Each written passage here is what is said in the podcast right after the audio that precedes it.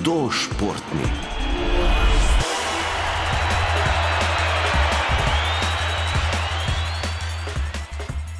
Nordijsko smutanje, kamor sodijo smučarski teki, smučarski skoki in nordijska kombinacija, ima pomembno vlogo med zimskimi športi, tako na vrhunski ravni kot med rekreativnimi športniki.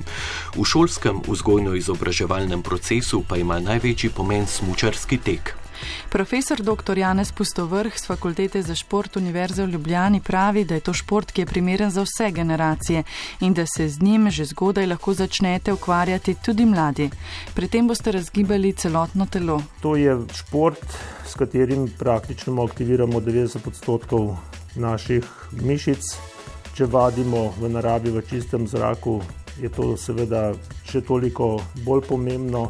Sama vadba ima visoke zdravstveno-preventivne učinke. S to vrstno vadbo lahko delamo na vzdržljivosti, tudi na moči, koordinaciji, ravnotežju. Z drsenjem na tekaških smočeh si tudi razbremenujemo sklepe, tako da tu ni nobenih velikih pritiskov na kolenski, skočni sklep na hrbtenico, ker hoja, drsenje na tekaških smočeh, tako po urejenih kot neurejenih terenih, v bistvu ne povzroča nobenih to vrstnih traslajev, tako da je mogoče to vrstna vadba celo zelo zaželena tudi za tiste, ki imajo mogoče kakšne probleme z različnimi poškodbami in tudi seveda za področje rehabilitacije ta šport primeren, ko z tem blagodejnim drsenjem na smočeh ponovno postopno aktiviramo veliko celoten organizem. Tek na smočeh je torej zelo vsestranski šport, pri katerem še posebej izstopa njegova vzdržljivostna komponenta. Zaradi tega med mladimi, vsaj na prvi pogled, ni tako priljubljen kot kateri drug zimski šport. Vendar spoznavamo, ko otroke postavimo na tekaške smoči in če jim znamo to gibanje na nek način približati, se pravi, da jih postopno uvedemo v to drsenje, tudi v posamezne elemente tehnike da obladajo svoje telo na teh, rekel bi, relativno oskih smočeh, potem malo spoznajo, da je to lahko tudi šport, v katerem lahko uživajo. In uh, v Sloveniji se če dalje več tudi šol odloča za zimovanje, za šole v naravi, ker to ni samo tek na smočeh, to je lahko tudi sprehajanje, to je, so razne igre na snegu, na smočeh. Pohodništvo je lahko zelo aktualno, iskanje kakšnega zaklada, sprehajanje ob baklah. Eh, če znamo otroke zanimirati, potem tudi otroci lahko zelo uživajo na teh smočeh. Hudo športni. Pri teku na smočeh bomo najprej opazili dve različni tehniki. To sta klasična, kjer drsimo v paralelnih smočinah, in drsalna, kjer smočkami podrsavamo na vzven. Čeprav bi lahko pomislili, da je za prve korake na tekaških smočeh bolje izbrati drsalno tehniko, dr. Pustovrh svetuje prav nasprotno. Mi priporočamo seveda začetnikom, da se spoznavajo najprej s klasično tehniko, ker je v bistvu klasična tehnika je nekako logičen prehod iz navadne hoje, ko ga človek izvaja, ko nima snežne podlage. Priporočamo, da se najprej spoznajo s temi osnovami, tako rečemo, klasike, potem pa seveda, ko enkrat že obvladajo to, kar je potrebno za osvajanje nekih osnov, prenosa teže, drsenja, tudi že prve elemente klasične tehnike, potem pa seveda tudi ni težav, da jih seznanjamo z drsalno tehniko. Dejstvo pa je, da je drsalna tehnika seveda pri nas eh, bolj priljubljena, vendar eh, vse izhaja nekako iz naravnega gibanja, klasične tehnike in potem, če naredimo neko logično preslikavo s svojim znanjem v drsalno tehniko, seveda potem je to še en dodatni užitek na tekaških smočeh.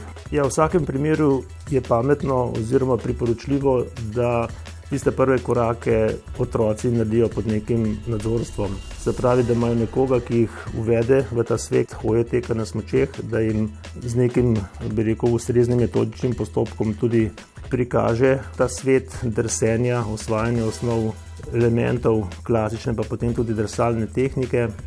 Ne priporočamo, da se otroci brez nekega nadzorstva seznanjajo s hojo in tekom na smočeh, ker potem, če ni velikega uspeha v teh prvih korakih, potem se zna tudi zgoditi, da ne, ne osvojijo v takšni meri breko tega gibanja, pa jim potem eh, ne nadaljujejo pač v tej aktivnosti. Hudo športni. Zdaj mi se lahko s tekaškimi smočmi ukvarjamo na urejenih terenih. V Sloveniji imamo zdaj kar nekaj centrov, kjer se seveda v pogojih dobrih zim redno sistematično vzdržujejo tekaške proge za eno in za drugo tehniko. Lahko se pa odločamo, da gremo povsem v celc, se pravi v naravo, v neurejene terene. In če naletimo na takšne razmere, je v bistvu lahko tudi to zelo, zelo velik užitek, oziroma neko doživetje, ki ga nam nudi narava.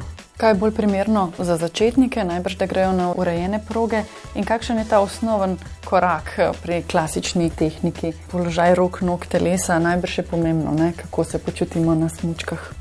Ja, zdaj ta metodični postopek je takšen, da te začetnike običajno eh, navajamo na tiste osnove nekje na varnem terenu, naravnem terenu, steptalnem terenu. Tu najprej izvajamo preproste vaje privajanja na to specifično tekaško opremo, tako da se spoznamo s to opremo, kako je s prenosom teže, kje imamo te oporne točke, kakšne so osnovni položaji na tekaških smočeh. Potem počasi prihajamo v privajanje na drsenje, To izvajamo lahko recimo z različnimi vajami po položnem spustu na vzdolj z ravnim iztekom, potem pa že pridajo tudi ti osnovni elementi klasične tehnike, recimo kot je preprosto ročni odriv, potem dvotakni diagonalni korak, ki izhaja iz naše navadne hoje. Za uspenjanje porabljamo lahko tudi hojo v razkoraku, za terensko vožnjo izvajamo lahko tudi recimo preprosto kontrolo hitrosti v obliki pluženja, najbolj pogosto se uporablja zavoj s prestopanjem za spremembo smeri. In mi se za gibanje po ravnini pač uporabljamo nek element, za gibanje eh, po klancu na vzdolj imamo drugi element, za gibanje v strmino v bregi imamo seveda spet naslednji element. Za nekateri elementi se lahko uporabljajo tudi seveda v različnih terenskih oblikah. Eh, če je vprašanje za dotakni diagonalni korak, je pa zadeva zelo preprosta. Mi v naravi hodimo tako, da seveda v gibanju nasprotna roka, nasprotna noga. Dvotakni je zato, ker je naše gibanje ciklično in seveda mi nek ciklus gibanja zaključujemo v dveh taktih, ne? da se ponovno pride v isto izhodično točko za opisovanje ciklusa gibanja. Zakaj je pa diagonalni? Diagonalni je pa zato, ker ravno s temi zamahi in s temi drsenji po eni smočki pridemo v nek značilen položaj, kjer so pa naše ekstremitete v nekih navideznih diagonalah. Ne. Če mi pogledamo recimo naša zapestja, ko drsimo v eno podnem položaju v tem elementu, potem vidimo, da sta zapestji v diagonalni poziciji, da sta gležnja v diagonalni poziciji, konice smoči, reko smoči, v bistvu se pojavljajo te navidezne diagonale in zato je tudi seveda ta element se poimenoval dvotakni diagonalni korak. No, potem pa lahko prehajamo tudi v drsalno tehniko. V drsalni tehniki je pa spet nova zgodba. Tu pa seveda so smoči v tem škarjastem položaju, drsimo v drsalnih korakih in poznamo tudi elemente za drsanje v ravnini, za elemente za obladovanje vzpona. Razlika je pač velika. Ne? V drsalni tehniki so pač smoči namazane za čim hitrejše drsenje, medtem ko po klasiki pa seveda rabimo pod smočmi neko stvar, da nam nudijo oprijem, lepljenje snegom. In pri klasični tehniki za otroke najbolj priporočamo te tako imenovane narebrene smoči. Imamo tudi smoči, ki imajo pod stopalom eh, neke oblike kož, tudi te kože nam omogočajo lepljenje smočke s podlago. Potem poznamo novejše, tako imenovane tudi nanosmoči. No, tiste smoči, ki pa jih seveda treba namazati z mažami za oprem, to so pa klistri in pa voski, te pa seveda uporabljajo tekmovalci na tekmovanjih in pa seveda tudi odrasli, bolj izurjeni tekači, ki včasih gredo tudi potem seveda na kakšno množično tekaško prireditev. Pri izbiri tekaških smoči je treba vedeti, da smoči za klasično tehniko niso primerne za drsalno tehniko, enako velja tudi obratno.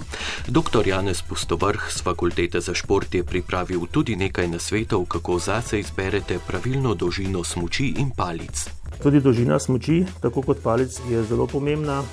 Za neko pohodništvo mi priporočamo dolžino smoči tam nekje telesna višina, mogoče kakšne 5 cm čez telesno višino. Potem za pohodništvo uporabljamo palice, ki so visoke nekje do sredine nadlahti. Če se s palicami postavimo sporedno pred telo, tako da stojimo v čevljih zravnano. Potem pa, če gremo še naprej na tiste smoči, ki so bolj namenjene za klasično tehniko, naj bi bile nekoliko daljše, to se pravi tam crka telesna višina plus 15 do 20 cm, ampak to so take, bi rekel, zelo že natančne mere. Palice ne segajo do višine ramen. Če pa gremo v drsalno tehniko in hočemo v drsalni tehniki čim bolj izkoristiti to tehniko, potem pa tudi tu imamo priporočljive mere. Ne? Se pravi, tu so pa palice daljše, palice segajo do višine brade oziroma nosu, smoči pa so krajše od tistih za klasično tehniko, se pravi, telesna višina plus crka 50 cm. Kaj pa tekaški čevlji, ne so, da so posebni? Ja, seveda, zdaj. Uh, Več kot je tehnik, več je teh zahtev, ampak da se tudi najti neko srednjo pot od tekaških čevljev. Mi poznamo izrazito nizke tekaške čevlje, izrazito visoke tekaške čevlje in potem nek, neke srednje, ki jim pravimo kombi. Za otroke mi priporočamo te tako imenovane kombi tekaške čevlje, to so povisoki tekaški čevlji, namenjeni so in za tek v klasični in v drsalni tehniki.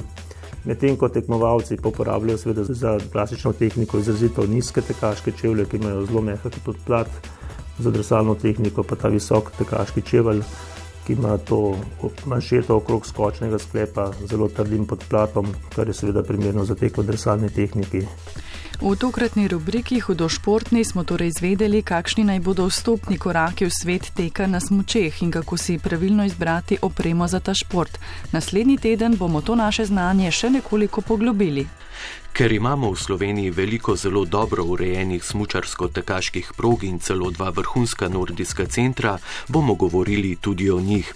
Ker pa so počitnice in se je ali pa se še bo kdo med vami na snegu odpravil tudi s tekaškimi smučmi, nam na naš Instagramov ali Facebookov profil pošljite fotografije, kako ste. Hudo športni.